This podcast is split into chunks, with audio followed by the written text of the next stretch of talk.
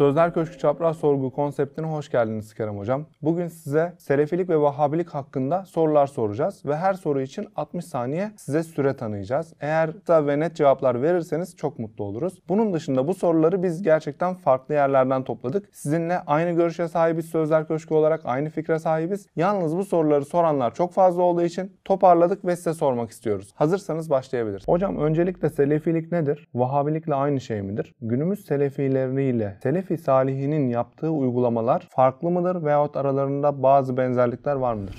Günümüzde Selefiyim diyenlerin Selefi Salih'inle hiçbir bağlantıları yok. Temel arızalı görüşleri büyük günah işleyen herkes kafir olmuştur. Bu ümmetin tamamı kafir olmuştur. Biz bu ümmeti Müslüman yapmak için geldik. Oy verenlerin herhangi bir sistemde, insan yapımı bir sistemde oy kullanan her Müslüman oyu kullandığı anda kafir olmuştur derler. Ana akideleri bu ölçüdedir. Hem günah işleyenler, büyük günah işleyenler kafir oldu. Hem oy kullanan, kullananlar ve kendisine yönetici atayanlar kafir oldu. Biz bunların tamamını Müslüman yapmak için gelmiş olan bir inanışa sahibiz. Sahibiz, biz Selefiyiz derler. Temel inanışları bu. Selefi Salih'in Muhammed Aleyhisselam, sahabe ve tabi'in o üç kuşak. Peygamberimiz zamanında yaşayanlar sahabe, peygamberimizden sonra yaşayanlar tabi'in, onlardan sonra yaşayanlar tebe-i tabi'in. Kendilerini bunlara nispet ederler. Selefilik geliş noktası budur. Selefi Salihin. Kendilerine bunlara nispet ettikleri için böyle bir isim kullanırlar. Günümüz Selefilerin itikadına göre çoğumuz kafirse dünyada ne kadar Müslüman var? Kendi ses kayıtlarından sadece Türkiye'de 10 bin Müslüman kaldığını, tamamının kafir olduğunu işitmiştim. Onların akidesine göre büyük günah işleyenler kafir olduğu için, yine Vehhabi Selefilerin akidesine göre oy verenler ülke seçimlerinde ya da mahalli seçimlerde oy verenler de kafir olduğu için dünyada birkaç milyon tane Müslüman kaldığını, bunların kalanının tamamının kafir olduğunu inanıyorlar, bu şekilde düşünüyorlar. Büyük günah işleyenlere kafir dediklerini söylediniz hocam. Fakat bazı Selefiler büyük günah işleyenlerin kafir olmadığını söylüyor. Yani yaptığınız bir genelleme olabilir mi? Akidelerine baktığın zaman akide metinleri İbn Abdülvahhab, İbn Teymiye. E, Bu akide metinlerine inanmış olan bir insan büyük günah işleyenleri kafir addeder. Dolayısıyla bir adam ben selefiyim diyorsa, ben vehhabiyim diyorsa ya da ben hariciyim demezler. Harici ismini asla kullanmazlar. Katıları vehhabiyim der ama ılımlıyım, itidalliyim diyenleri selefiyim adını kullanır. Akide metinlerinin hepsi aynıdır. Hepsinin akide metni İbn Teymiye'ye ve İbn Abdülvehhab'a dayanır. Hocam az önce Daesh'ten bahsettiniz. Günümüz Selefilerin bir kısmı Daesh'i kabul ederken bir kısmı da onlar bizden değildir diyorlar. Buna bir cevabınız var mı? Şimdi Daesh'i reddedenlerin birçoğu, bunların en meşhur hocaları şu anda hapiste. Daeshçilere kardeşim diye hitap etti. Bize müşrik Kerem Önder diye hitap etti. Daesh, kafa kopartanlar, dünyaya İslam'ın kötü olduğunu lanse etmekten başka hiçbir gayesi olmayanlar. Batılıların, Amerika, İngiltere ve İsrail'in kurmuş olduğu bir Frankenstein'i, bir örgütü kardeşim diye ilan etti. Ama hayatını cihada vermiş bir adamı müşrik Kerem Önder diye ilan etti. Daha sonra hakkında davalar açılınca Daesh'i reddediyorum, onların akidesini paylaşmıyorum diye demeçler verdi avukat aracılığıyla. Hocam yalnız bu konularda biliyorsunuz bazı güvenlik tehlikeleri var. Siz bu konuları anlatmaktan çekiniyor musunuz veyahut bir korkunuz oluyor mu? Kardeşim 10 yıldır ben aşağı yukarı Vehhabi Selefiler alakalı 10 senedir reddiye yapıyorum. 10 yıldan beri 40'tan fazla videom var. Ölüm tehditleri de aldım. Videolar üzerinden bile bizim ismimizi vererek biz idareye geldiğimizde Kerem Önder gibiler yaşayamayacaklarını biliyorlar gibi ismimizi söyleyerek ölüm tehditleri aldım. Bunlar bizi korkutamaz. Sonuca bakarız. Herhangi bir bid'at ehli, kafire hizmet etmiş olan bir adam bizi öldürür, öldürürse bizim canımızı alırsa Allah'ın indinde bizim hükmümüz şehitlik. E benim her namazdan sonra yaptığım dua şehitlik zaten. Bana daha büyük bir makam yok ki. Kur'an müminleri överken dört sınıfa ayırır. Peygamberler, sıddıklar, üç şehitler. Şimdi peygamber olma ihtimalim yok. Sıddık olma ihtimali velilerden olacaksın. Çok zor bir ihtimal. Nefsine düşkün bir adamım. Benim için en iyi ihtimal şehit olmak. Üçüncü ihtimal. E burada benim işimi kolaylaştırmış olurlar eğer beni öldürürlerse. Ben de Allah'ıma peygamberime kavuşmuş olurum. Bu konuda hiçbir korkumuz yoktur. Bir mümini ölümle korkutmak, bir güvercini yüksekten atmakla korkutmak gibidir. Bizi ölümle korkutamaz. Biz cihadımızı, davamızı yaymaya, anlatmaya devam edeceğiz. Hocam Selefilerin kendi aralarında Türkiye'de 10 bin tane Müslüman kaldığını söylediklerini söylediniz. Fakat bu söylenen mesele Peygamber Efendimiz Aleyhisselatü Vesselam'ın ümmetim dalalet üzerine birleşmez. Öyleyse bir konuda ihtilaf olduğunu gördüğünüzde sevada azama yani büyük çoğunluğa tabi olun. Hadisine ters bir durum. Yani biz bunu bir Selefiye söylediğimizde bakın sevada azam yani büyük çoğunluk ehli sünnettir. Buna uymanız gerekiyor. Resul-i Ekrem Aleyhisselatü Vesselam bunu bize söylemiş dediğimizde bize şunu diyorlar. Kendini ümmet zanneden kafirler ümmetten olmadığı için hadisin manasıyla çelişen bir durum olmadığını ifade ediyor. Yani büyük bir zırva, büyük bir saçmalık. Allah Teala Hazretleri ayeti kerimede bu ümmeti överken şöyle diyor. Sizler insanlığın iyiliği için ortaya çıkarılmış en hayırlı ümmetsiniz. En hayırlı ümmetsiniz. İyiliği emreder, kötülükten sakındırır ve Allah'a inanırsınız. Bu bir ayet-i kerimedir. Allahu Teala bu ümmeti yani son ümmeti Muhammed Aleyhisselam'ın tebasını en hayırlı ümmet diye niteliyor. Ne İsa Aleyhisselam'ın ümmeti, ne Musa'nın ne de Davud'un. Allah'ın selamı onların üstüne olsun. Bizim yanımıza yaklaşamıyor hayırlı olmakta ama Vehhabi Selefilere geldiğin zaman bunların tamamı kafir olmuştur diyorlar. Şimdi ayet kapı gibi ortadayken Allah'a mı inanalım yoksa Vehhabi Selefilerin fantezilerine mi? Zikrettiğin hadis-i şerife gelince bu hadis-i şerifteki mana ümmet içinde büyük çoğunluğa uymayan bid'at görüşler ortaya çıkarsa siz azınlık olan görüşlere uymayın, büyük çoğunluğunun akidesine uyun. Çünkü ümmetin alimleri bid'at bir görüşte, sapkın bir görüşte birleşmez manasındadır. Hadisleri de muhaddislerle okumadıkları için, hadis alimleriyle okumadıkları için kafalarına göre mana veriyorlar. Hocam alim diyorsunuz ama onlar da kendi alimlerinin bu konuda ittifak ettiğini söylüyorlar. Sizin alimler dediğiniz kişiler kim? Şimdi e, Belamı Bağura da bir alimdir. Yaşar Nuri de bir alimdir. Adamın alim olması doğru yolda olduğu anlamına gelmez. Uyacağı zat Muhammed Aleyhisselam ve sahabelerinin yolu olmak zorundadır. Uyacağı zat bu olmalı. Bunları takip eden alimler kim? Müçtehit olacak. Ebu Hanife, İmam Şafii, İmam Malik, İmam Ahmet. Bu dört alimden bir tanesinin yoluna uymayan bid'at fırka olarak kabul edilir. Ümmetin icmağı ile. Bunlar kendi alimlerini öne koyuyor. Biz de bu alimlere tabi oluyoruz. Bu alimler de kendi aralarında ittifak yapmışlar diyor. Tamam da bu alimlerin görüşü Muhammed Aleyhisselam, sahabe ve müştehit alimlerin görüşüyle uyuşmuyor. Yani biz farklı düşünüyoruz. Biz farklı algılıyoruz diyorlar. Hiçbir ehli sünnet Müslüman, hiçbir ehli sünnet ulema bu görüşleri kabul edemez. Mümkün değildir. Günümüz selefiliğinin en temel iddiasına gelelim. Allah'ın indirdiğiyle hükmetmeyenler kafirlerin ta kendisidir ayetini göstererek içinde bulunduğumuz cumhuriyet sistemindekileri tekfir ediyorlar. Hatta memur olan, asker olan hangi partiye olursa olsun oy kullanan herkes kafirdir diyorlar. Buna ne cevap verirsiniz? Şimdi bu iddiayı ataları haricilerden almışlardır. Hariciler Hazreti Ali Efendimiz ve Hazreti Muaviye arasında, Şam valisi Hazreti Muaviye arasındaki Sıffin Savaşı'nda her iki tarafta anlaşmazlıkları çözebilmek için birer hakem atadılar. Hakem atadıkları anda hariciler ortaya çıktı ve dediler ki Allah'ın indirdiğiyle hükmetmeyenler kafirlerin ta kendileridir. Muaviye de kafir oldu, Ali de kafir oldu ve onlara tabi olan Müslümanların tamamı kafir oldu. Bunlar hükümlerini Kur'an'dan almaları gerekiyordu ama onlar hakem atamayı seçti dediler ve her iki tarafı da yani bütün ümmeti kafir ilan etti. Bu akide o kadar arızalı bir akide ki Allah Teala Hazretleri Kur'an'da hakem tayin edilmesi gerektiğini bildiriyor. Kim arasında? Eğer karı kocanın aralarının düzelmesini istiyorsanız her iki taraftan birer hakem tayin edin. Eğer düzeltmek isterlerse Allah onların arasını bulur. Bu bir ayet-i kerimedir. Şimdi hariciler hakem atamanın küfür olduğunu söylüyor. Allahü Teala Kur'an'da hakem atamanın gerekli olduğunu söylüyor. İki tarafın arasının bululabilmesi için. Burada iki ordu var. iki Müslüman ordu birbirine girecek. Ya savaşacaklar, binlerce Müslüman ölecek ya da birer hakem tayin edecekler, ortada buluşacaklar. Hangisinin olması gerekiyor? Allahü Teala'nın dediğine mi inanalım? Sizin sapkın inanışlarınıza mı inanalım? Ne yapalım? Mesele budur. Bu söylemin çıkış noktasını anladık. Peki günümüzdeki uygulamalara ne cevap vereceksiniz? Şimdi çıkış noktası arızalı bir yer olduğu için gidişat da arızalı olmak zorunda. Tekerlek patlakken aracı sürdüğün zaman kaza yapmaktan kaçıram kaçıramazsın. Mümkün değil. Bu akideden hareketle Vehhabi Selefiler günümüzde oy veren bütün Müslümanları kafir ilan ediyorlar. Yahut da insan yapımı herhangi bir sistemde yönetici olmak isteyen Müslümanları da kafir ilan ediyorlar. Ama bu akide o kadar arızalı ki Yusuf Aleyhisselam şirk nizamı yö- yönetilen Mısır sisteminde yönetici olmayı kendi ihtiyarıyla seçti. Firavun'a dedi ki beni yönetici yap. Beni hazine bakanın yap. Ben bu sıkıntılı dönemi 7 senelik bolluk döneminde yapacağım birikimle 7 senelik kıtlık dönemini atlatayım dedi ve yöneticiliğe tabi oldu. Yöneticiliğe tabi olduğu yer putlarının Amon olduğu, resmi ilahlarının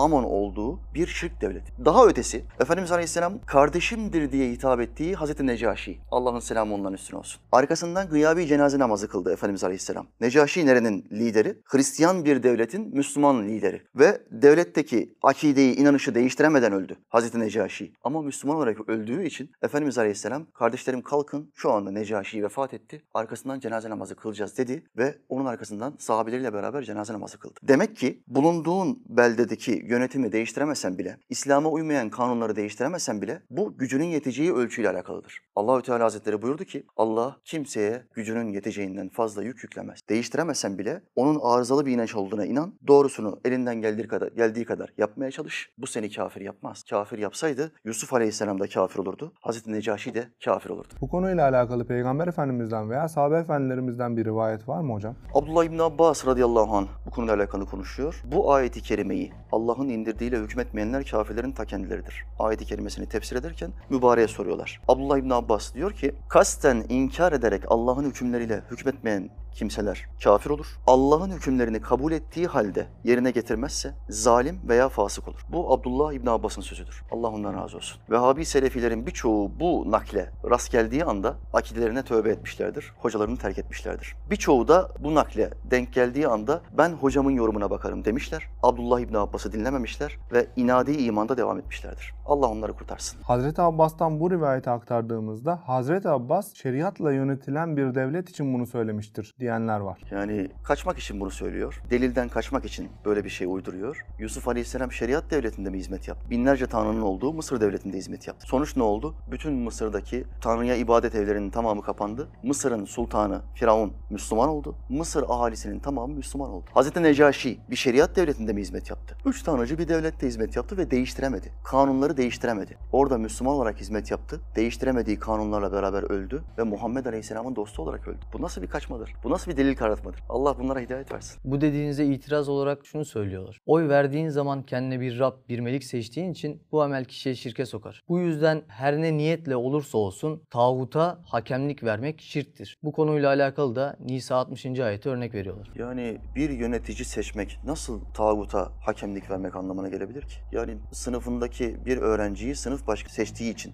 bir öğrenci nasıl kafir olabilir? Ya da apartmanda oturduğu apartmanda bir site yöneticisi, bir apartman yöneticisi seçtiği için birisine nasıl kafir denebilir? Akıl dışı bir zırvalıktır bu. Şimdi Selefiler ayetlerin tefsirine bakmadığı için ayetlere kendi kafalarına göre mana verebiliyorlar. Abdullah İbni Ömer radıyallahu anh diyor ki hariciler kafirlerle alakalı ayetleri Müslümanlara uyarladılar. Bu ayette az önce zikrettiğin ayette kafirlerle alakalı bir ayet fakat Müslümanlara uyarlıyorlar. Ayetin iniş sebebi sadece buna baksalar arıza ortadan kalkacak. Ayeti kerime kahin Ebu Bürde denen bir adam hakkında inmiştir. Mümin gibi görünenler konuyu Allah ve Resulüne götürmek yerine kahin Ebu Bürde'ye götürdüler. Bize hakemlik yap dediler. Ayet bundan sebep indi. Şimdi bir kahin hakkında inmiş olan bir ayeti bir Müslümana nasıl uyarlarsın? Vicdana, insafa ve ilme sığar mı? Biraz tefsir okusan böyle bir vartaya düşmezdin. Peki günümüz Vahabi ve Selefilerin kendileriyle çelişen uygulamaları var mı? Çok var. En başta hangi sistemde olursa olsun oy kullanmanın kafir olduğunu söylüyorlar. Akideleri bu. Ama Mısır'da seçimlere girebilmek için Selefi Nur Partisi'ni kuruyorlar. Bunu kurdular, seçimlere girdiler. Tabii ki kaybettiler. Hem bunun şirk olduğunu söylüyorsun, demokrasi denen bir sistemde oy kullanmanın, hem de parti kuruyorsun. Türkiye'de de parti kuracaklardı fakat güçleri yok. DAEŞ'e çok adam gönderdikleri için çok kayıp yaşadılar. Güçlenemediler. Her gün, şu anda her gün FETÖ ve PKK gibi operasyon yedikleri için güçlenemezlerdi. Dolayısıyla parti de kuramazlar. Bu çelişkili uygulamalarından bir tanesidir. Başka bir uygulama hem hadis ehliyiz diyorlar hem de Muhammed Aleyhisselam'ın şefaatle alakalı ya da evliyalarla alakalı bütün hadislerini reddediyorlar. Hadis ehliyim demek Muhammed Aleyhisselam'ın hadislerine herkesten daha fazla bağlıyım demektir. Bu nasıl bir çelişkidir? Hem bu ülkede avukatlık yapmak, hakimlik yapmak ya da savcılık yapmak şirktir diyorlar. Hem de kendileri terör örgütü konusunda dava edilince avukata gidiyorlar ve vekalet veriyorlar. Ya bununla alakalı mesela en son kendi aralarında bir ihtilaf yaşadılar. Hocalarından bir tanesi avukata vekalet verdiği için talebelerinin yarısı bunu terk etti ve hepsi bu hocayı ve diğer hocalar da bu eski dostlarını sadece bir avukata vekalet verdiği için tekfir etti. Kafir olduğunu ilan etti. Başka bir örnekte de hem Yahudileri, Hristiyanları ve Şiileri tekfir ediyorlar hem de onlar gibi Allah gökte oturuyor diyorlar. Halbuki ehl sünnet inancında Allah'a mekan tayin etmek, oturuyor, kalkıyor, geliyor, gidiyor demek caiz değildir. Bunlar yüzlerce tereddütlerinden, yüzlerce çelişkilerinden sadece birkaçı. Kabir ziyareti yapmak, kabirdekileri dua okumak ve Kur'an okumak dinde var mıdır? Tabii ki vardır. Dört müçtehide göre de, dört mezhep alimlerine göre de kişi kabirdeki herhangi bir kişiye Kur'an okursa sevabı ölüye gider. Bu konuda sadece Şafiler kabrin başında olmasını, ölünün kabrinin başında olmasını şart koşmuşlardır. Diğer üç müçtehit, hayır nerede olursa olsun onun ruhuna bir Kur'an okunduğu zaman ya da dua ettiği zaman ruhuna ve amel defterine bu duanın sonucu, bu Kur'an'ın sonucu, sevabı gider diye hüküm vermişlerdir. Delilleri ne? Delilleri Muhammed Aleyhisselam'ın hadis-i şerifi. Efendimiz Aleyhisselam buyurdu, ölülerinize Yasin okuyunuz. Selefiler burada bir itirazda bulunuyor. Diyorlar ki ölmeden önce okuyunuz manasındadır. Buradaki hadis-i şerifteki mana öldükten sonra değil, ölmeden önce okuyunuz manasındadır. Halbuki Selefilerin de çok hürmet ettiği ulemadan Celaleddin Suyuti, Allah ona rahmet etsin, her iki mana içinde geçerlidir diye hüküm vermiştir bu hadis-i şerif hakkında. Yani ölüm döşeğindeki birine de Yasin okuyabilirsin. Öldükten sonra kabrine gidip de yahut da arkasından evinde de Yasin-i Şerif okuyabilirsin ve sevabını ölünün ruhuna hediye edebilirsin demişlerdir. Evliyaların türbelerini ziyaret etmenin yanlış olduğunu ve hatta daha da ileri giderek o türbeleri ziyaret edenlerin şirke girdiğini söyleyenler var. Bunlara bir cevabınız var mı hocam? Cevabı Muhammed Aleyhisselam versin. Resulullah Aleyhisselam buyurdu. Sizi kabir ziyaretinden men etmiştim. Artık size izin veriyorum. Kabirleri ziyaret ediniz. Çünkü kabir ziyareti size ölümü hatırlatır. Bu hadis-i şeriftir. Herhangi bir sıradan Müslümanın kabrini bile ziyaret etmemizi tavsiye eden ve öğütleyen Muhammed Aleyhisselam. Herhangi bir Müslümanın kalitesinin çok daha üstünde olan velileri ziyaretten niye bizi men etsin? Neden böyle yapsın? Kur'an'a bakalım. Allah Teala Hazretleri buyurdu. Ya eyyühellezine amenu ey iman eden kimseler. İttekullâhe Allah'tan takva edin, korkun ve kunu me'as sadıkîn ve sadıklarla beraber olun. Mevla Teala Hazretleri bize sadıklarla beraber olmamızı emrediyor. Korkuyu emrettikten hemen sonra. Kim bu sadıklar? Madem evliya yok, madem Allah dostu yok. Bu sadıklar kim? Sadıklar dinde sadık olanlar, sünnette sadık olanlar, ümmete sadık olanlar, Kur'an'a sadık olanlar. Yani veliler Allah'ın dostlarıdır. Bu Allah'ın dostlarıyla gerek hayatlarında, gerekse zamanlarını yetişemeyenler için kabirlerinin başında beraber olmak bütün ümmetin boynuna bir borçtur. Çünkü bu İslam'ı dünyaya tıpkı sahabiler gibi sadıkların üstünleri sahabilerdir. Tıpkı sahabiler gibi veliler ve alimler yaymışlardır. Biz de bulduğumuz her fırsatta onların kabirlerini ziyaret ederiz ve bu sadıklara beraber oluruz. Onlara Kur'an okuruz ve dua ederiz. Peki hocam özellikle reddettikleri hatta düşmanlık besledikleri, kafir dedikleri evliyalar var mı? Var. Açıktan kafir dedikleri isimler var. Bunların ortak özelliği tasavvufa yakın olmaları. Mesela Mevlana Celaleddin'i açıktan tekfir ederler. Mesela İmam Rabbani'yi açıktan tekfir eder, kafir derler. Mesela Şah-ı Nakşibend, Behaeddin Nakşibend Hazretlerine açıktan isim vererek tekfir ederler. Ortak özellikleri tasavvufa yakınsa o alim yani çift kanatlıysa muhakkak Vehhabi Selefiler yani hariciler bu alimleri tekfir ederler. Muhyiddin İbn Arabi tefsir yazmış olan bir veli zat. Çok büyük bir alim ama o da tekfir edilir yine tasavvuf ehli olduğu için. Yani alim iki kanatlıysa muhakkak tekfir ediliyor. Vehhabi Selefi camia içinde. Tekfir kelimesini bu kadar basit de görmemek lazım. İmamı Rabbani gibi büyük bir zata düşman olan insanlar aslında. Kesinlikle. Şu hadis-i şerifi onlar da biliyor sevgili kardeşim. Kim benim bir dostuma düşmanlık ederse onun düşmanı benim. Bu sahih bir hadistir. Evliyanın olmadığını iddia edenler bu sahih hadisleri de reddetmiş olurlar. Sen bu kadar Allah dostuna açıktan düşmanlık edersen Allah Teala senin kalbini çevirmez mi? Küfre seni kul etmez mi? Seni küfre hizmetkar yapmaz mı? İşte yap ortada. Hocam yine bu konuyla alakalı bir sorumuz daha var. Birinin yüzü suyu hürmetine Allah'a dua etmek, vesile edinmek, aynı putlar gibi aracı edinmek olmuyor mu? Yani bir insan direkt doğrudan Allah'a yönelip kendisi dua etse daha hayırlı olmaz mı? Onu da yapabilir. Bunda hiçbir sakınca yok ama Allahü Teala'nın Kur'an'ın tamamına iman etmekle mükellefiz. Kur'an'ın bir kısmı ayetlerini kabul edip bir kısmını reddedemeyiz. E Allahü Teala'nın şu ayeti kerimesini ne yapacağız? Ya eyyühellezine amenu ittaqullâhe vebtegû ileyhil vesilete. Ey iman edenler Allah'tan korkun ve vebtegû ileyhil vesilete. Yaklaşmaya, ona yaklaşmaya vesile arayın. Şimdi bu ayeti kerimeyi ne yapalım yani okumayalım mı? Konuşmayalım mı? Bu ayeti kerimeyi de yerine getirmek istemeyelim mi? Mümin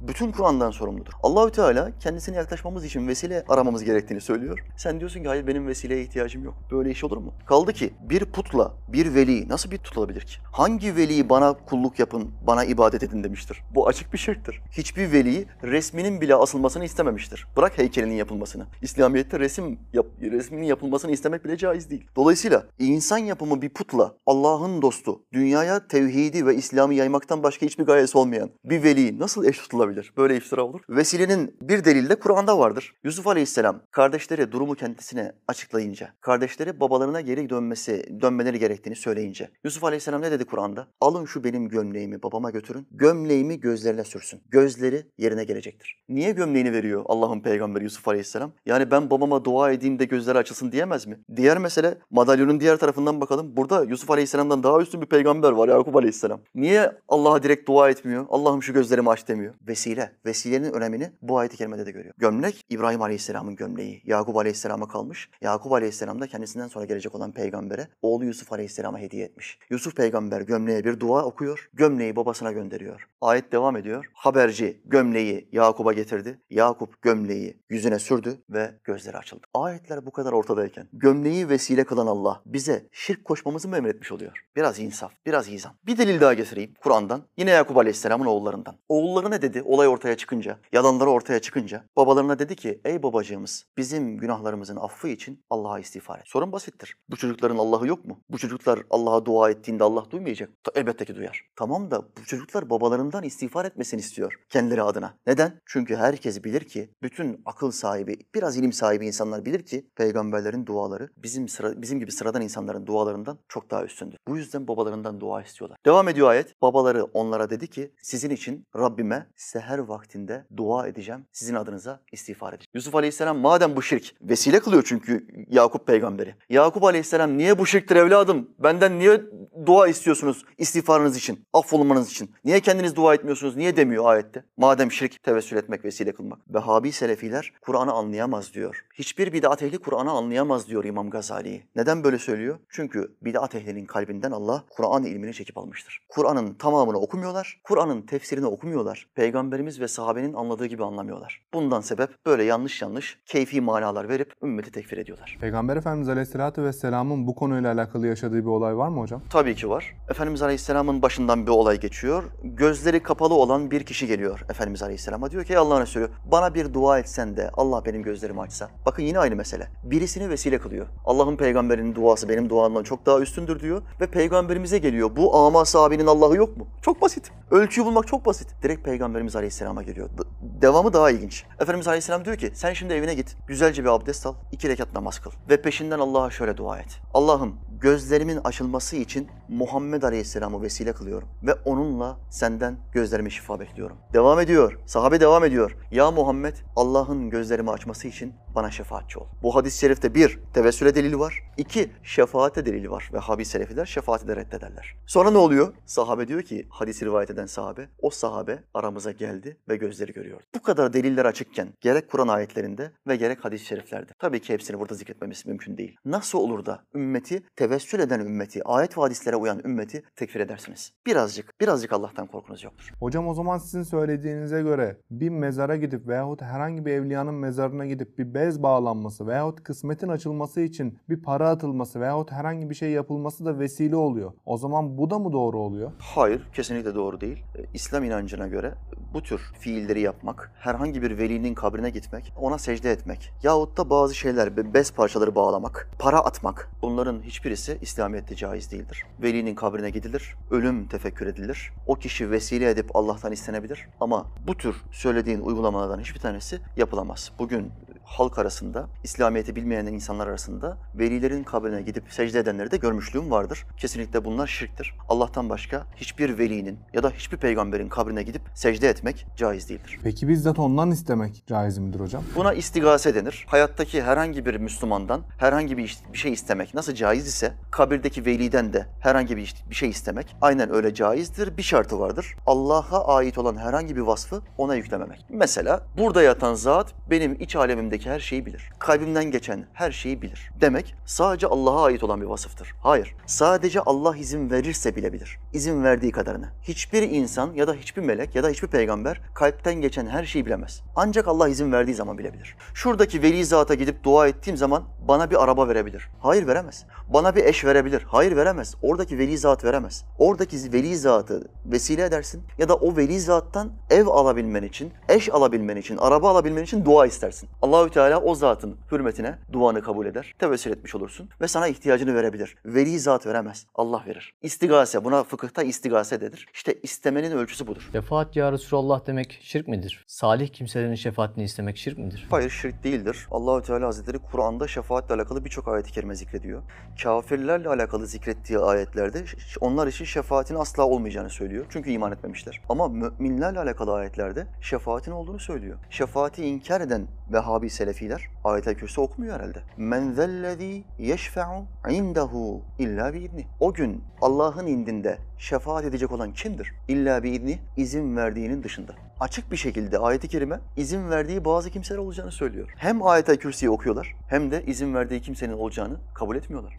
Başka ayet-i kerimede o gün Allah'ın sözünden hoşnut olduğu ve izin verdiği kimselerin dışında kimse şefaat edemeyecektir diyor. Ayetler bu kadar açık ve sarih bir şekilde şefaatin izin verdiği bazı kimseler için geçerli olduğunu söylerken nasıl oluyor da şefaati inkar edebiliyoruz? Hocam yalnız bu konuda önemli bir itiraz var. Hatta şöyle diyorlar size buradan okuyorum. Şefaat yalnızca Allah'a aittir. Ahirette dilediği kuluna şefaat hakkı verebilir. Ama bunu ancak ahirette bilebiliriz. O yüzden dünyada Allah dışında başka birini zikredip şefaat istemek şirk olur. Şefaat ya Resulallah demek de direkt olarak şefaat hakkını Allah'tan alıp Resulullah'a vermek olduğu için kastı başka olsa bile bu sözün yanlış olduğunu söyleriz. Buna devam ederse şirke düşeceğini ifade ederiz diyorlar. Bunu ancak ahirette bilebiliriz cümlesi çok arızalı bir cümle. Muhammed Aleyhisselam'a iman etmedin mi sen? Selefi kardeşim. Muhammed Aleyhisselam hadislerinde şefaatim ümmetimin büyük günahkarların olacaktır buyuruyor. Sahih haber.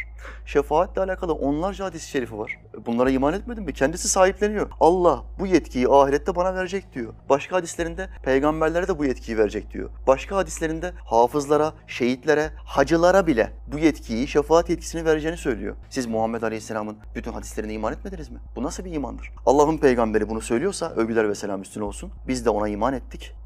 Zikrettiği her insanın, her bireyin şefaat edeceğine inanırız, iman ederiz. Tarikatlar Allah yolunda konulan barikatlar mıdır? Tarikatların İslam'da yeri olmadığını söyleyenlere ne dersiniz? Şimdi her şeyin sahtesi vardır, gerçeği vardır. Sahte doktor olduğu gibi, olabildiği gibi, sahte avukat olabildiği gibi, sahte savcı, sahte asker olabildiği gibi, sahte tarikatlar da, tarikatçılar da vardır. Tıpkı sahte hocalar gibi. Dolayısıyla herhangi bir şeyin sahtesi var diye gerçeklerini inkar etmek akıl ve ilim dışıdır. Yani herhangi bir hasta insan, sahte doktor, o semtte sahte bir doktor var diye hastaneye gitmekten vazgeçecek değil. Sahte et, at eti satan bir kasap ortaya çıktı diye başka bir kasaba gidip et almaktan vazgeçecek değil. Dolayısıyla Müslüman olarak bizim vazifemiz sahteyi doğrusundan ayırt etmek ve doğrusunu bulmak, doğrusuna gitmek. Hocam doğrusuna gitmek zorunda mıyız? Kur'an diyor ki sadıklarla beraber olun.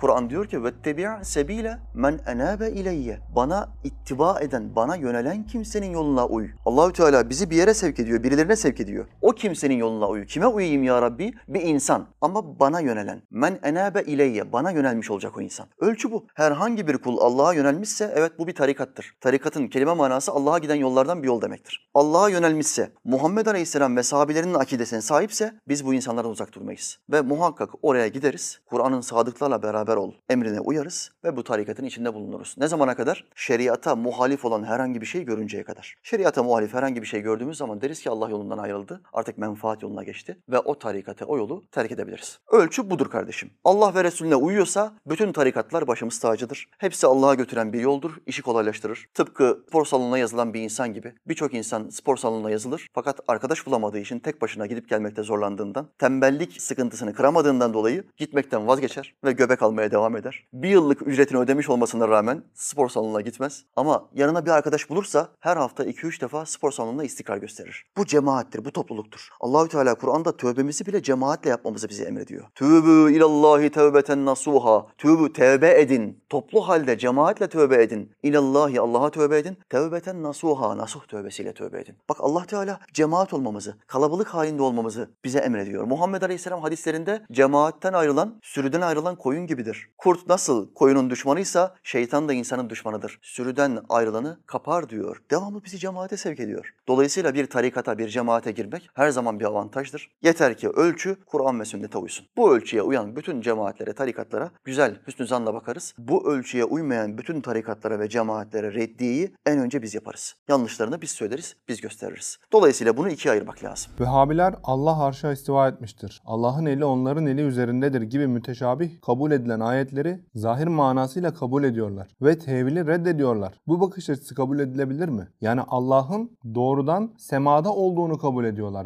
Gökyüzünde olduğunu, orada oturduğunu kabul ediyorlar. Bu doğru bir bakış açısı mı? Şimdi ehl-i sünnet akidesine göre Allah Teala'ya mekan biçmek caiz değildir. Dört mezhep uleması da, sahabe de tabi'in de ona mekan isnat etmemiştir. İsnat etmemelerinin sebebi şu ayeti kerimedir. Leyse ke mitlihi şeyun. Onun misli, benzeri hiçbir şey yoktur. Bu ayeti kerime ile zıtlaşmamak adına Allahü Teala'ya mekan isnat etmemişler ve tevil etmişlerdir. Mecazı mecaz olarak anlamışlar. Müteşabih ayetlerin derununa inmemişler. Tevil edip geçmişlerdir. Vehhabi Selefiler ise olduğu gibi kabul ediyorlar. Mecaz ya da tevili reddediyoruz. Biz gördüğümüzü alırız. Allah'ın eli diyorsa evet Allah'ın eli vardır diyorlar. Tamam da bu şekilde inandığın zaman ayeti kerimeyi inkar etmiş oluyorsun. Onu bir şeylere benzetmiş oluyorsun. Yani yarattığına. Ama Allah ayette yarattığı hiçbir şeye benzemez diyor. Bunu nasıl yapman lazım? Ehli sünnet ulemanın inandığı gibi inanman lazım. Çünkü sen bir müştehit değilsin. Şimdi Selefilerin en önemli imamlarından bir tanesi Bin Baz'dır. Suudlu bir imamdır. Amadır kendisi doğuştan. O soydan gelenlerin hepsi çocukları ama olarak dünyaya geliyor. Allah'ın bir hikmeti. Sebebinin ne olduğunu bilmiyorum. Allah Teala bana öğretsin. Abdülaziz Bin Baz bir TV programına konuk oldu. TV'deki sunucu Bin Baz'a dedi ki neden mecazı ve tevhidi reddediyorsunuz? Hayır biz bunu kabul etmiyoruz. Kur'an'daki müteşabih ayetleri de olduğu gibi alıyoruz. Mecazı ve tevhidi reddediyoruz dedi Bin Baz cevap olarak. Telefonla birisi bağlandı. Bir ehli sünnet alimi ve Bin Baz'a bir sual yöneltti. Dedi ki madem tevhili ve mecazı reddediyorsunuz. Allah Teala Hazretleri Kur'an'da diyor ki dünyada kör olanlar ahirette de kördürler. Şimdi Bin Baz dünyada amadır. Cennete gittiği zamanda kör olarak kalacağını kabul ediyor mu? diye bir soru sordu Bin Baz'a. Bin Baz bu suale hiçbir cevap veremedi. Kitlenip kaldı. İşte mecazı reddedersen böyle tuzağa düşersin. Halbuki cennette dünyadaki hiçbir arızamız bizim yanımızda olmayacak. Dünyadayken felç olanlar, görmeyenler, işitmeyenler, kalıcı olarak ne hastalığı olursa olsun cennete gittiği anda bütün hastalıkları ortadan kalkacaktır. Halbuki ayeti kerime mecaz içerir. Manası şudur. Dünyada Allah'ın kitabını ve yaratıcının işaretlerini görmeyi reddeden körler yani kafirler ahirette de kör olarak kalmaya ve görememeye, Allah'ı görememeye devam edecekler. Halbuki ahiret Allah'ın görüleceği yerdir. Bütün müminler Allah'ı göreceklerdir. Ama dünyada kör olanlar, görmeyi reddedenler ahirette de kördürler. Ayetinin manası budur ki onlar Allah'ı asla göremeyecektir. Bazıları biz haşa ve kella Cenab-ı Allah'a mekan isnat etmiyoruz. Ama arşa istiva etmiştir diyoruz. Mekandan da münezzehtir diyemezsin diyorlar. Onlara nasıl bir cevap verebiliriz? Yani istiva kelimesini iyi anlamak lazım. İstivanın bir manası kapsamak demektir. Bir manası oturmak demektir. Vehhabi Selefiler, hariciler oturmak olarak manasını algıladılar ve böyle inandılar. Allah'ı oturttular. Ama ehli sünnet ulema yani alimlerin cumhuru ise kapsamak. Allah'ın ilmi semayı kapsadı manası verdiler. Bugün ehli sünnet ulemanın yazdığı meallerde bile böyle geçer. Allah'ın ilmi semayı kuşatmıştır denir. Bu akideyi düzgün tutmak ve onu yaratıklarına benzetmemek açısından en güvenli şeriat sahilidir. Buna kaçmayı reddettikleri için Allah'ı yaratıklarına benzetmeye devam ediyorlar maalesef. Günümüz selefilerinin bir başka görüşü de şu. Namazın kazası olmaz diyorlar. Namazın kazası var mı? Namazın da, orucun da, zekatın da ve hatta haccın da İslam'a göre kazası vardır. Bir adam kafirden sözlerden bir tanesini söylediği zaman hac sorumluluğu tekrar üstüne geri döner. İslam'a döndüğü anda haccının mali durumu yerindeyse bir kez daha yapmak zorundadır. Buna hac kazası denir. Zekat da böyledir. E, İslam'ı anladı, zekat emrinin üzerine farz olduğunu idrak etti ama geçtiği 10 yıl zekat vermedi. 10 yılın zekatını hesaplayacak ve kazasını verecek. Aynen bunlar gibi orucun da, namazın da kazası vardır. Delili Kur'an ayetidir. Allah Teala Hazretleri Kur'an'da buyurdu. Size farz kılınan oruç Ramazan ayındadır. Sizden kim Ramazan ayında hastalık yahut da sefer sebebiyle oruç tutamazsa tutabileceği günlerde orucunu kaza etsin. Bu ayeti kerime oruç hakkında inmiş olan bir ayeti kerimedir. Herhangi birisi sefere çıktığı zaman ya da hasta olduğu zaman tutamazsa sağlığına kavuştuğu anda ya da evine döndüğü anda tutması gerektiğini allah Teala kaza etmesi gerektiğini bize bildiriyor. Sorun basittir. İslam'a göre namaz mı daha üstün bir ibadettir, oruç mu daha üstün bir ibadettir? Oruç senede bir aydır, namaz her gün beş vakit. Dolayısıyla orucun kazası yapılmak zorundaysa namazın kazası da yapılmak zorundadır. Sünnetten delilini getirelim. Muhammed Aleyhisselam namazlarını savaş esnasında, Hendek Savaşı esnasında kaza etmiş midir etmemiş mi? Sabah, öğle, ikindi ve akşam namazını, yatsı namazının hemen akabinde kaza etmişlerdir. Bütün sahabileriyle beraber. Örnek de ortadayken, sünnetten örnek de ortadayken nasıl olur da kaza namazı yoktur dersin? Peki hocam o zaman neden kaza yok diyorlar? Şimdi Selefilik cemaatine, Selefi cemaati içine girmeyenlerin tamamını kafir olarak gördükleri için sen zaten bizimle tanışmadan Selefi menhecine, akidesine girmeden önce kafirdin diyorlar. Bu yüzden kafirken namaz, oruç, hac ya da zekat yapılmayacağı için, öyle bir farziyetin olmadığı için bize girdikten sonra Müslüman olduğundan dolayı geçmişte ne kaza borcum var, ne namaz borcum var, ne oruç borcum var diyorlar. Böyle bir Ali Cengiz oyunu yapmaya çalışıyorlar. Tamam da bu adam beş vakit namaz kılmadığı dönemde de cuma namazları kılıyordu. Oruç tutuyordu, teravih namazına gidiyordu. Bu adam hala Müslüman Müslüman. Zayıf bir Müslüman. Tembel bir Müslüman ama hala Müslüman. Sen niye bu adamı kafir ilan ediyorsun beş vakit namaz kılmadığı için? Namaz kılmayan bir insan tembellikten dolayı kılmıyorsa ehli sünnetin cumhurunun içtihadıdır. Tembellikten dolayı namaz kılmayan birisine kafir denmez.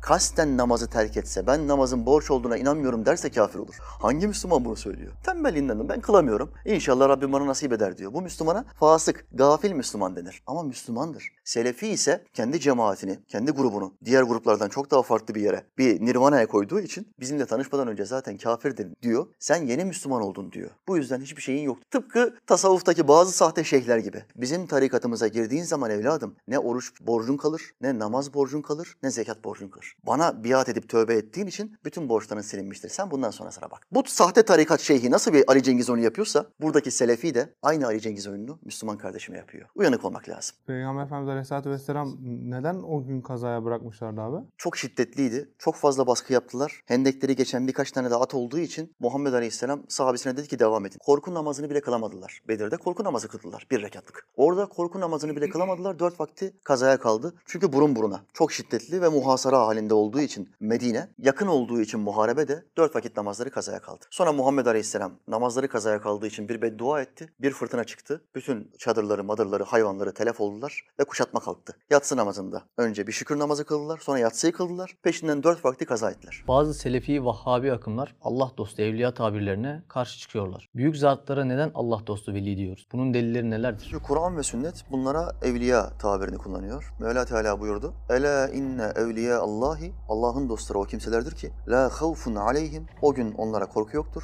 Ve la hum yahzanun hüzünlenmeyecekler bile. O günden kasıt mahşer günüdür. Herkesin korktuğu, şiddet içinde uyandığı bir an. Güneşin bir mızrak boyu yaklaştığı bir an. Birileri korkmayacak. Bırakın korkmayı hüzünlenmeyecekler bile diyor Allah Teala Hazretleri Kur'an'da. Kim? Tabir kim? Evliya Allahi, Allah'ın dostları. Evliya tabiri Türkçemize Arapçadan gelmiştir. Veli dost demek, evliya dostlar demek. Şimdi Allahü Teala Hazretleri o insanlar hakkında dostlarım diye hitap ediyorsa biz kimiz ki dostları diye bir şey yoktur, evliya diye bir şey yoktur diyelim. Allah'a mı inanacağız? Vehhabi Selefi'nin fantezilerine mi inanacağız? Bu Kur'an'dan deliliydi. Muhammed Aleyhisselam'ın sünnetine bakalım. Allah'ın Resulü Aleyhisselam evliyalardan bahsettiğinde sahabe diyor ki "Ey Allah'ın Resulü evliyalardan bahsediyorsun. Bunların işareti nedir? Biz bunları nasıl tanırız? Efendimiz Aleyhisselam şöyle buyuruyor. Onlar görüldüğü zaman Allah hatırlanır. Bakın ölçü çok onlar görüldüğü zaman kerametler fış- fışkırır falan demiyor. Onlar görüldüğü anda Allah hatırlanır. Herhangi bir Müslümana baktığı anda bir kişi Allah'ı hatırlıyorsa veli olmanın işaretidir. Bu kişi hayatıyla İslam'ı yaşayan biri ve velilerden bir tanesi. Tabii ki velilerin derecesi var. Keramet gösteren var, gösterenler var, keramet göstermeyenler var.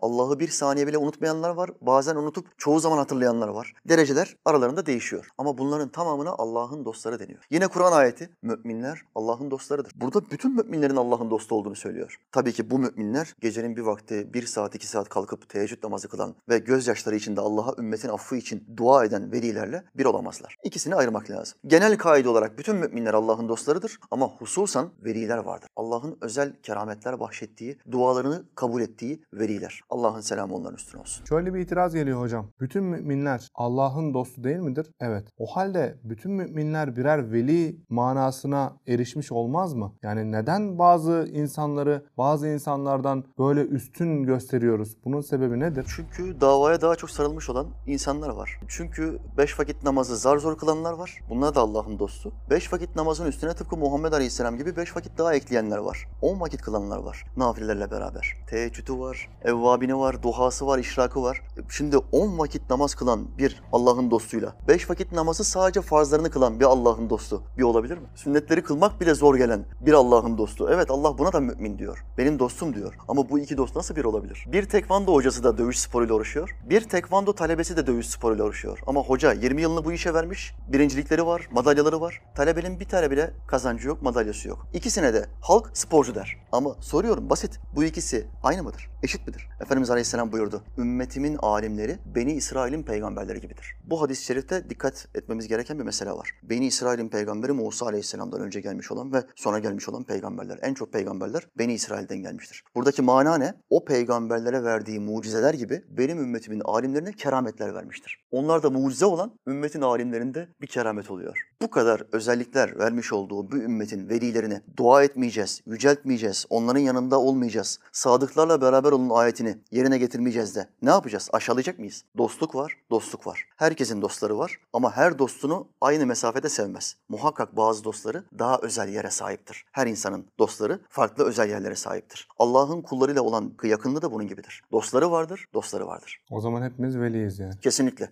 Bu külli kaidedir, genel kaide. Hepimiz Allah'ın dostuyuz. Ama çok yakın mıyız? O tartışılır. Herkesin yakınlık derecesi farklıdır. Sen de Allah'ın dostusun, gözlerine hakim olamazsın. Ben de Allah'ın dostuyum, gözlerime hakim olurum, kadınlara bakmam ama dilime hakim olamayabilirim. Gıybetten kendimi koruyamam. Bak dost, hepimizin acziyetleri var. Ama öbürü de Allah'ın dostu. Bırak gözüne, diline hakim olmayı, kalbine bile oruç tutturuyor. Kalbinden bile onlara bakmayı istemiyor, yalan söylemiyor. Kalbinden bile yalan geçmiyor. Şimdi ben bu adamla nasıl bir olacağım? Peygamberler dışındaki insanların, mesela evliyaların, Allah'ın izniyle keramet göstermesi veya gaybı bilmesi mümkün mü? Ee, Bunun ayet ve hadislerde delili var mıdır? Tabii ki vardır. Allah Teala Hazretleri Süleyman Aleyhisselam'ın istediği bir şeyden bahsediyor Kur'an'da. Belkıs'ın tahtını bana kim getirebilir diyor. Bakın Süleyman Aleyhisselam bir peygamber. Kendisi bir dua yapıp getirebilme imkanı olmasına rağmen cemaatinde, tebaasında, hizmetinde olan cinlerden ve vezirlerinden yardım istiyor. Ve diyor ki Belkıs'ın tahtını bana kim getirebilir? Güç gösterisi yapacağım. Cinlerden biri diyor ki ben sana onu getirebilirim. Fakat daha sonra kitaptan ilmi olan bir zat şöyle diyor. Ben sana o tahtı gözünü açıp kapamadan getirebilirim. Dedikten hemen sonra Süleyman Aleyhisselam Belkıs'ın tahtını yanı başında görünce şöyle diyor. Bu Rabbimin kendisine şükür mü edeceğim, nankörlük mü edeceğim diye bana vermiş olduğu bir nimettir. Bu ayeti kerimedir. Şimdi tahtı getiren kişi kim? Süleyman Aleyhisselam'ın veziri Hazreti Asaf. Allah'ın selamı onun üstüne olsun. Bakın bu kişi bir peygamber değil. Herhangi bir harikulade hal bir peygamberden sadır olmazsa bir dosttan, bir veliden sadır olmuş demektir. Buna mucize denmez, keramet denir. Kerametin inkarı da ilgili ayeti kerimeyi inkar etmek anlamına gelir. Bir delil daha getireyim. Hazreti Meryem, Allah'ın selamı onun üstüne olsun. İsa Aleyhisselam'ın annesi. Hazreti Meryem'e anlatan ayetlerde Zekeriya Aleyhisselam ne zaman mihraba çıksa, onun yanına gitse önünde nimetler görüyor, meyveler görüyor, sofralar görüyor. Ve diyor ki bunları sana kim verdi? Ey Meryem. Hazreti Meryem şöyle diyor. Bunlar Rabbimin katından bana gelenler. Şimdi Hazreti Meryem bir peygamber midir? Kadın peygamber gelmemiştir. Bunu herkes bilir. Peygamber olmadığına göre o bir veliyedir. Allah'ın dostu bir kadındır. Herhangi bir veliden sadır olan herhangi bir harikulade hale de fıkhen mucize denmez. Keramet denir. Kur'an'daki iki tane keramet budur. Bunların inkarı adamı kafir etmek için yeterli. Peki gayb konusunda ne söylemek istersiniz? Şimdi gayb meselesi bir külli kaide vardır. Bir de hususi kaide vardır. Külli kaide şu ayeti kerimede sabittir. Gaybın anahtarları Allah'ındır, Allah'tadır. Buna kimseyi ortak etmez. En'am suresinde geçer bu ayet. Genel kaideyi, hiç kimsenin ortak olamayacağını bildiren bir ayet-i kerimedir. Ama başka bir ayet Allah Teala dilediği kimseye dilediği ölçüde gaybı bildirir diyor. Nasıl anlayacağız peki bu iki ayetin arasını nasıl yapacağız? Allahü Teala dilerse bazı peygamberlerine ya da bazı velilerine olabilecek olan meseleleri bildirebilir. Hazreti Meryem'e bir çocuğu olacağını, kendisine hiçbir erkek eli değmeden bir çocuğu olacağını bildirdi mi bildirmedi mi? Bildirdi. Oldu mu? Ve oldu. Bu gaybi bilgidir. Bak dilediği zaman Allah bir veliye kuluna gaybı bildirebiliyor. Muhammed Aleyhisselam Allah'ın yeryüzünde en sevdiği insan. Efendimiz Aleyhisselam Hendek kazasında o çukurları kazarken insanlar açlıktan karınlarına taş bağlamışken Muhammed Aleyhisselam kırılamayan bir taşı kırdı ve şöyle dedi. Allahü Teala bana bir sahne gösterdi. Bir bir şey gösterdi geleceğe dair. Allah'ın izniyle Şam'ı fethedeceğiz. Allah'ın iz- izniyle Kisra'yı yani Pers İmparatorluğunu fethedeceğiz. Allah'ın izniyle Konstantinopol'u fethedeceğiz. Üç yer.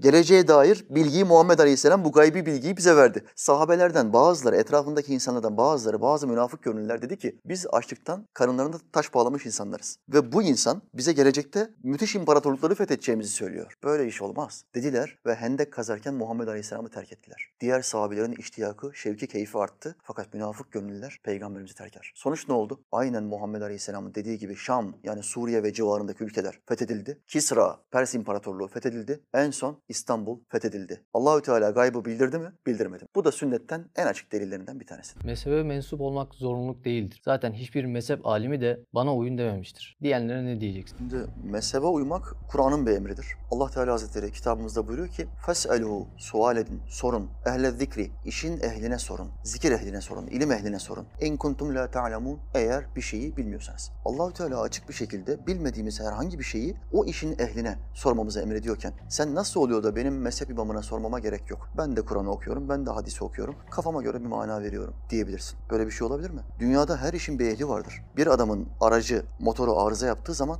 bunu cami imamına götürmez. Motor arızasını düzeltecek olan ehle götürür. Ehle zikre götürür. Motorun arızasını kim yapar? O adam yapar. Götürür, parasını verir, tamir ettirir ve arabasını kullanmaya devam eder. Bir adamın dişi çürüdüğü zaman tekvando hocasına gitmez. Ya bir döner tekme atla dişimi çek falan demez. Direkt olarak dişçiye gider. O işin ehli, ehline zikri dişçidir. İçindeki iltihabı alır, dolgusunu yapar, evine gönderir. Her işi ehline sorun diyor Kur'an. İşi ehline verin diyor Kur'an. Ay- Ayet-i kerime açık bir şekilde bizi alimlere, işin erbabına sevk ediyorken biz hangi akılla, hangi ilimle, hangi izanla alimleri reddedip mezhebe uymayı inkar edebiliyoruz? Böyle bir şey olabilir mi? Sonra sorunda diyorsun ki mezhebe e, uymak şart değildir. Uymasak da olur. Böyle bir şey olmaz. Allahü Teala'nın emri açıktır. Bu emre uymak zorundasın. Madem mezhebe uymuyorsun o zaman Kur'an'a uy. Kur'an açık bir şekilde sana alime tabi ol diyor. Bana yönelen kimsenin yoluna uy diyor. Bilmiyorsanız alimlere sorun diyor. Sen diyorsun ki ben alime sormam. Kendim hüküm veririm. Burada çok ciddi bir arıza yok. Zaten Vehhabi Selefiler dört hak mezhebi kabul etmediği için illa bir mezhebe bağlı olmak zorunda değiliz dedikleri için bugün 40 mezhebe bölünmüşlerdir. Şiiler 60 mezhebe bölünmüşlerdir. Hepsi birbirine kafirdir. Vehhabi Selefiler de bugün her biri birbirine kafir diye hitap eder. Günümüz Selefileri Hanbeli olduklarını söylüyorlar yalnız hocam. Bir de ek olarak şunu da ilave ediyorlar. Peygamber Efendimiz Aleyhisselatü Vesselam'la İmam Hanbel'in sözü çakışırsa o vakit Peygamber Efendimiz Aleyhisselatü Vesselam'ın sözünü esas alırız diyorlar. Subhanallah. Bir müçtehitle Muhammed Aleyhisselam'ın sözü nasıl çakışabilir? Çakışırsa o nasıl müçtehit olarak kalabilir? Böyle bir saçmalık olur mu? Böyle bir Ali Cengiz oyunu olur mu? Hem ilmen hem takvaen hepimizden şu anda yeryüzündeki bütün Müslümanlardan daha üstün olan, bütün ümmetçe sabit olan, üstün olduğu bütün ümmetçe sabit olan Ebu Hanife'nin, İmam Şafii'nin, İmam Malik'in ya da Ahmed bin Hanbel'in Muhammed Aleyhisselam'ın herhangi bir hadisiyle bir fetvasının çakışması mümkün olabilir mi? Nasıl bir sahtekarlık, nasıl bir ikiyüzlülük bu? Böyle bir şey mümkün olabilir mi? Burada insanları mezhepten uzaklaştırmak için, insanları müçtehitten uzaklaştırıp kendi müçtehitliğini ilan etmek için bir Ali Cengiz oyunu görüyorum. Bir sahtekarlık görüyorum, bir takiye görüyorum. Allah bu insanları kurtarsın. Peki hocam neden çakışırsa diye bir ifade kullanıyorlar? Hani bir yere kaçıyorlar belli ama tam olarak anlayamadım. alimlerin tabiyeti hakkında şüphe uyandırmak için çakışıyorsa tabirini kullanıyor. İmam Ahmet bin Hanbel Muhammed Aleyhisselam'la çakışabilir mi? Onun herhangi bir hadisini duyduğu bir yerde o böyle söyledi ama biz böyle anlıyoruz o ayeti diyebilir mi? Böyle bir şey düşünülebilir mi? Alimlerin halkın nazarındaki itibarını düşürmek için bazen olabilir, çakışabilir diye bir intiba vermek istiyorlar. Asla böyle bir şey olmaz. İmam Ahmet bin Hanbel bir hadisi sahih bir hadis olarak kabul ederse, hadisin e, rivayet zincirini kabul eder ve o hadise göre bir hüküm verir. Ama başka bir müçtehit o hadisin rivayet zincirinde aklı zayıf olan bir kişiyi görür ve o hadisi sahih olarak kabul etmez, zayıf olarak kabul eder. Başka bir hadise göre hüküm beyan eder. Mezhepler arasındaki ihtilafların tek sebebi budur. Bir alimin sahih dediği bir hadise öbür müçtehit zayıf demiştir. Zayıf diyen müçtehit başka bir hadisi almış. Bu alimse sahih ol- olarak gördüğü hadis-i şerif almış ona göre hüküm vermiştir. İhtilaflar buradan kaynaklanır. Nasıl olur da sen bu alimlere bu Resulullah'la çakışıyor, bu peygamberimize çelişiyor diyebilirsin. Böyle iftira olur mu? Bu alimlerle yüzleşmeyeceğini düşünüyorsun. Hesap günü yakın. Peki hangi mezhebe göre hareket ediyorlar namazlarında, abdestlerinde? Hanbeli diyorlar. Bize en yakın Hanbeli mezhebidir diyorlar. Ona göre hareket ediyoruz diyorlar. Bu çakışıyor kelimesini şeyden dolayı yapmış olabilirler belki de. Hani İmam Hanbel'in ne bileyim oy kullanmakla alakalı bir fetvası vardır. Orada ben peygamberime uyarım deyip tak hemen R mi yapıyorlar? Öyle Tabii, bir tabii, tabii. Öyle var mı öyle bir iki? Tabii var. Ahmet bin Hanbel'in tevessül konusunda fetvası var. Tevessülün caiz olduğunu söyler. Şefaat konusunda fetvası var. Şefaatin caiz olduğunu söyler. Kendi akidesine uymadığı için Selefi ne diyor? Biz bu konuda Ahmet bin Hanbel'e uymuyoruz, kabul etmiyoruz demiyor. Resulullah'la çelişen fetvaları var. Orada biz Ahmet bin Hanbel'i dinlemeyiz diyor. Yahu şefaatle alakalı, tevessülle alakalı delilleri zikrettim. Muhammed Aleyhisselam bunları kabul ediyor. Ahmet bin Hanbel de kabul ediyor. Sen hem Hanbeli olduğunu söylüyorsun hem de bunları kabul etmiyorsun. Sen necisin? Kime tabisin? İtiraf et, açık açık söyle. Bin Baz'a tabiyim de, Abdülvehhab'a tabiyim de, İbn Teymiye'ye tabiyim de. Biz de ne olduğunu söyleyelim, görelim. Ama takiye yapma. Ahmet bin Hanbel'in Resulullah'la çelişen bir şey olmaz. Allah'tan kork. Yöneticilik meselesi mesela. İbn Teymiye de bizim görüşümüzdedir yöneticilikte. Gücü yetiyorsa değiştirmeye, değiştirmek zorunda. Gücü yetmiyor çalışmıyorsa değiştirmek zorunda değil diyor. Yusuf Aleyhisselam örneğimi İbn Teymiye de veriyor. Burada imamımız hata etti diyorlar kendi imamları için. İbn Teymiye için bile aynı şeyi Tabii aynı şeyi söylüyorlar. Burada hata etti diyorlar. Çok fanatikleri hayır yanlış anlıyorsunuz diyorlar. Bizim imamımız hatasızdır diyor. Siz yanlış anlıyorsunuz diyor imamı. Böyle farklı farklı görüşleri var. Şimdiye kadar söyledikleriniz ve verdiğiniz cevaplar ispata ve delile dayalı. Yalnız farklı hocaları dinlediğimizde onlar da bir delil sunmaya çalışıyorlar veyahut bazen de bir delil sunuyorlar. Peki biz bu konuda nasıl anlayacağız? Biri farklı söylüyor veyahut siz farklı söylüyorsunuz. Biz doğrudan nasıl emin olacağız? Ehli sünnetin hak yol olduğundan nasıl emin olabiliriz? Allah'ın ayetlerine bakacaklar. Muhammed Aleyhisselam'ın hadislerine bakacaklar. Bu delilleri ele aldıktan sonra doğrunun hangi tarafta olduğunu çok kolay bir şekilde anlayabilirler. Mevla Teala Hazretleri Kur'an'da şöyle buyurdu. Şüphesiz bu benim dost doğru yolumdur. Buna uyun, onların yoluna uymayın. Bu bir ayet-i kerimedir. Şimdi bu ayet-i kerimeyi net bir şekilde anlayabilmek için derine inmemiz lazım. Yani tefsirine bakmamız lazım. Ayet-i kerimenin nüzul sebebini ve Muhammed Aleyhisselam'ın bu ayet hakkında ne yaptığını sahabe rivayet ettiği zaman şöyle diyor. Resulullah Aleyhisselam bu ayeti okudu ve sonra yere elindeki çubukla bir çizgi çizdi. Uzunca bir çizgi. Sonra yanına küçük küçük çizgiler çizdi. Ve dedi ki bu Allah'ın dost doğru yoludur. Buna uyan kurtulur. Şu yollarsa, şu küçük çizgilerin olduğu yollarsa şeytanın yollarıdır. Doğru yoldan alıkoymak için şeytan bu yolları yapmıştır. Her kim ki bu küçük çizgilere, patika yollara girerse sapıtır. Ana yola girerse kurtulur. Ana yol benim ve eshabımın gittiği yoldur. İşte doğruyu anlayabilmek için en net delil bu ayet-i kerimedir. Muhammed Aleyhisselam ve sahabileri o işi yapıyorsa biz de yaparız. O işi övüyorsa biz de överiz. Muhammed Aleyhisselam ve sahabeleri reddediyorsa biz de reddederiz. Ümmetim asla dalalet üzerine birleşmez. Bu hadis-i şerif sahih bir hadis-i şerif. Herhangi bir ihtilaf gördüğünüzde siz ümmetimin büyük çoğunluğuna uyun. Bu hadis-i şerif çok net bir şekilde ümmetin büyük çoğunluğunun nereye uyduğunun bizim için en önemli delil kaynaklarından bir tanesi olduğunu beyan etmiş oluyor. Ümmetin bugün %90'ı dört mezhep imamına tabidir. Dört müştehide tabidir. Bu bizim için çok yeterli bir delil. Yine Allah Teala Nisa suresinde şöyle buyuruyor. Kim kendisine dost doğru yol apaçık bir şekilde belli olduktan sonra peygambere muhalefet eder. Müminlerin yolundan başka bir yola girerse onu gittiği yolda tutarız ve cehenneme atarız. Orası ne kötü varış yeridir. Peygambere muhalefet ediyor ve müminlerin gittiği yoldan başka bir yola gidiyor. Bu ayeti kerimedeki en kritik nokta bu. Yaptığın iş, uyduğun yol, Selefilik, Vehhabilik, Şiilik ya da Ehl-i Sünnet. Muhammed Aleyhisselam'a muhalefet etmeyecek. Onun gittiği yolda gideceksin ve onun sana söylediği her şeyi kabul edeceksin. Bu bir, yetmiyor. Müminlerin yolundan ayrılırsa, sahabe, buradaki müminler Muhammed Aleyhisselam'ın en yakınındakiler, sahabeler. Benim yolumun hem Muhammed Aleyhisselam'a hem de sahabenin icmaına uyması gerekiyor. Yani ümmetin büyük çoğunluğuna uyması gerekiyor. Sadece bu ayeti kerime bile gittiğimiz yolun doğru mu yanlış mı olduğunu mikyas edebilmemiz için, kıyaslayabilmemiz için yeterli bir delil sunar. Çok merak ettiğim bir soruyu soracağım hocam şimdi size. Günümüz Vahhabileri, Selefileri içerisinde size haşa kafir diyenler veyahut mürtet diyenler veyahut daha farklı ithamlarda bulunup tehdit savuranlar var. Peki ehli sünnete göre yani sizin itikadınıza göre yani bizim itikadımıza göre günümüz Selefileri dinden çıkmış mıdır? Hayır biz tekfirci değiliz. Onlar bize kafir diye hitap ediyor, müşrik diye hitap ediyor. Biz onlara kardeşim diye hitap ediyoruz hala. Kafirle iş tutmalarına rağmen, onlardan emir almalarına rağmen, Türkiye'deki ehli sünnet ulemaya, hocalara, hafızlara müşrik ya da kafir yaftası yapıştırmalarına rağmen biz onlara hala kardeşim diye hitap etmeye devam ediyoruz. Bidat ehlidirler, evet 72 sapkın fırkadadırlar fakat hala kardeşimizdirler. Kafir diyebilmek için açık delil lazımdır. Nedir? Nas'ı inkar etmesi lazım. Yani tevil etmek yoluyla değil. Nas'ı ayet ya da hadisi açık bir şekilde inkar ederse ancak o zaman tekfir edilebilir. E bunu açık bir şekilde inkar etmedikleri için, tevile gittikleri için biz bu insanlara kafir diyemiyoruz. Bidat ehli kardeşlerimizdir diyoruz. Hidayetleri için dua ediyoruz. Çok ciddi tehdit var. Nasıl kafir diyebilirim? İşin ilmine vakıfım. Muhammed Aleyhisselam buyurdu. Sakın sizden kimse birine Allah'ın düşmanı demesin, kafir demesin. Şayet bunu dediği kimse bu vasıflara sahip değilse bu söz kendine döner. Bu hadis sahihtir. Şimdi böyle bir riski ben nasıl alabilirim? Yani karşımda evet bir Vahabi Selefi var. Kafir diye, ona kafir diye söyle diye nefsim ve şeytanım bana baskı yapıyor. Ama ilmim var. Muhammed Aleyhisselam tehdit ediyor beni. Eğer sen ona kafir dersen %50 ihtimal. Kafir değilse, kalbinde iman varsa söz sana dönecek Kerem Efendi diyor. İlmim bana bunu söylüyor. Ben bu riske girmiyorum çünkü işi biliyorum. Sen nasıl bu kadar kolay bu riske giriyorsun da bana kafir diyorsun, müşrik diyorsun, katli vacip diyorsun. Müslüman kardeşim bu sana yakışıyor mu? Bunun hesabını vermeyeceğini düşünüyorsun? Kim zerre kadar şer işlerse ederse karşılığını hemen görür diyor Kur'an ayet. Bu ayete de iman et lazım. Kerem Hocam son olarak günümüz Selefi akımlarını takip eden fakat samimane takip eden, içinde hiç böyle art niyet olmayan, kötü niyet olmayan, sadece onların namaz, ibadet gibi meselelerini izleyen, takip eden bir e, topluluk var. Bu kişilere buradan söylemek istediğiniz, son olarak söylemek istediğiniz bir şeyler var mı? Eğer varsa hani direkt onlara hitaben bu kameraya dönerek konuşabilir misiniz? Selefi kardeşim sen bana kafir diyorsun, müşrik diyorsun ama bak ben sana hala kardeşim diyorum. Bu benim akidemin bana vermiş olduğu bir edeptir. Bu kapsayıcı olan ehli sünnet akidesinin vermiş olduğu bir saygıdır, bir edeptir. Her zaman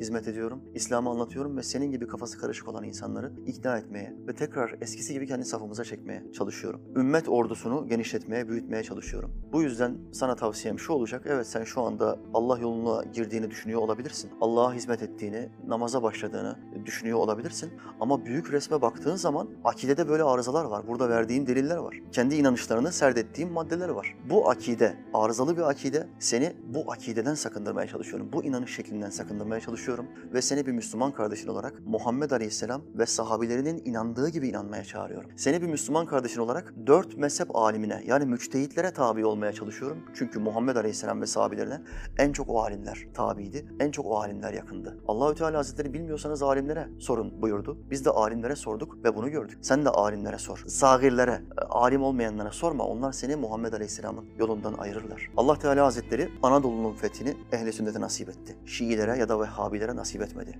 Allah Teala Kudüs'ün fethini ehli sünnete nasip etti. Şiilere, Vehhabilere, Selefilere nasip etmedi. Allah Teala İstanbul'un fethini övülmüş kumandan, övülmüş asker mazhariyetleri ehli sünnete nasip oldu. Selefilere ya da Şiilere nasip olmadı. Ve Allah Teala Hazretleri Batı Roma'nın fethini de yine destek olduğu gruba Muhammed Aleyhisselam ve sahabelerinin yoluna ehli sünnet vel cemaate nasip edecektir. Vehhabilere ya da Şiilere nasip etmeyecektir. Kaldı ki senin inanışına göre şu anda Türkiye'de 10 bin tane Müslüman kalmış. 81 milyonun tamamı kafir. Bu nasıl bir din ki korunamamış? Bu nasıl bir ümmet ki korunamamış? Böyle bir akide olur mu? Allahü Teala Kur'an'da bu ümmetin en hayırlı ümmet olduğunu söylüyor ama sana bu arızalı dini, arızalı itikadı anlatan insanlar Türkiye'de sadece 10 bin Müslüman kaldığını, dünya üzerinde 1,5 milyon, 2 milyon Müslüman kaldığını, kalan 1,5 milyarın tamamının kafir olduğunu söylüyor. Böyle bir akideye sahip olmak senin kafanda bazı soru işaretleri uyandırmıyor. Hal böyleyken nasıl olur da hala kafa karışıklığı içinde, işin ehli dururken işin ehli olmayan insanlara tabi olursun? Selefi kardeşim, Allah Teala sana ve bana hidayetini ulaştırsın. İlmimizi, muhabbetimizi, aşkımızı arttırsın. Esselamu Aleyküm.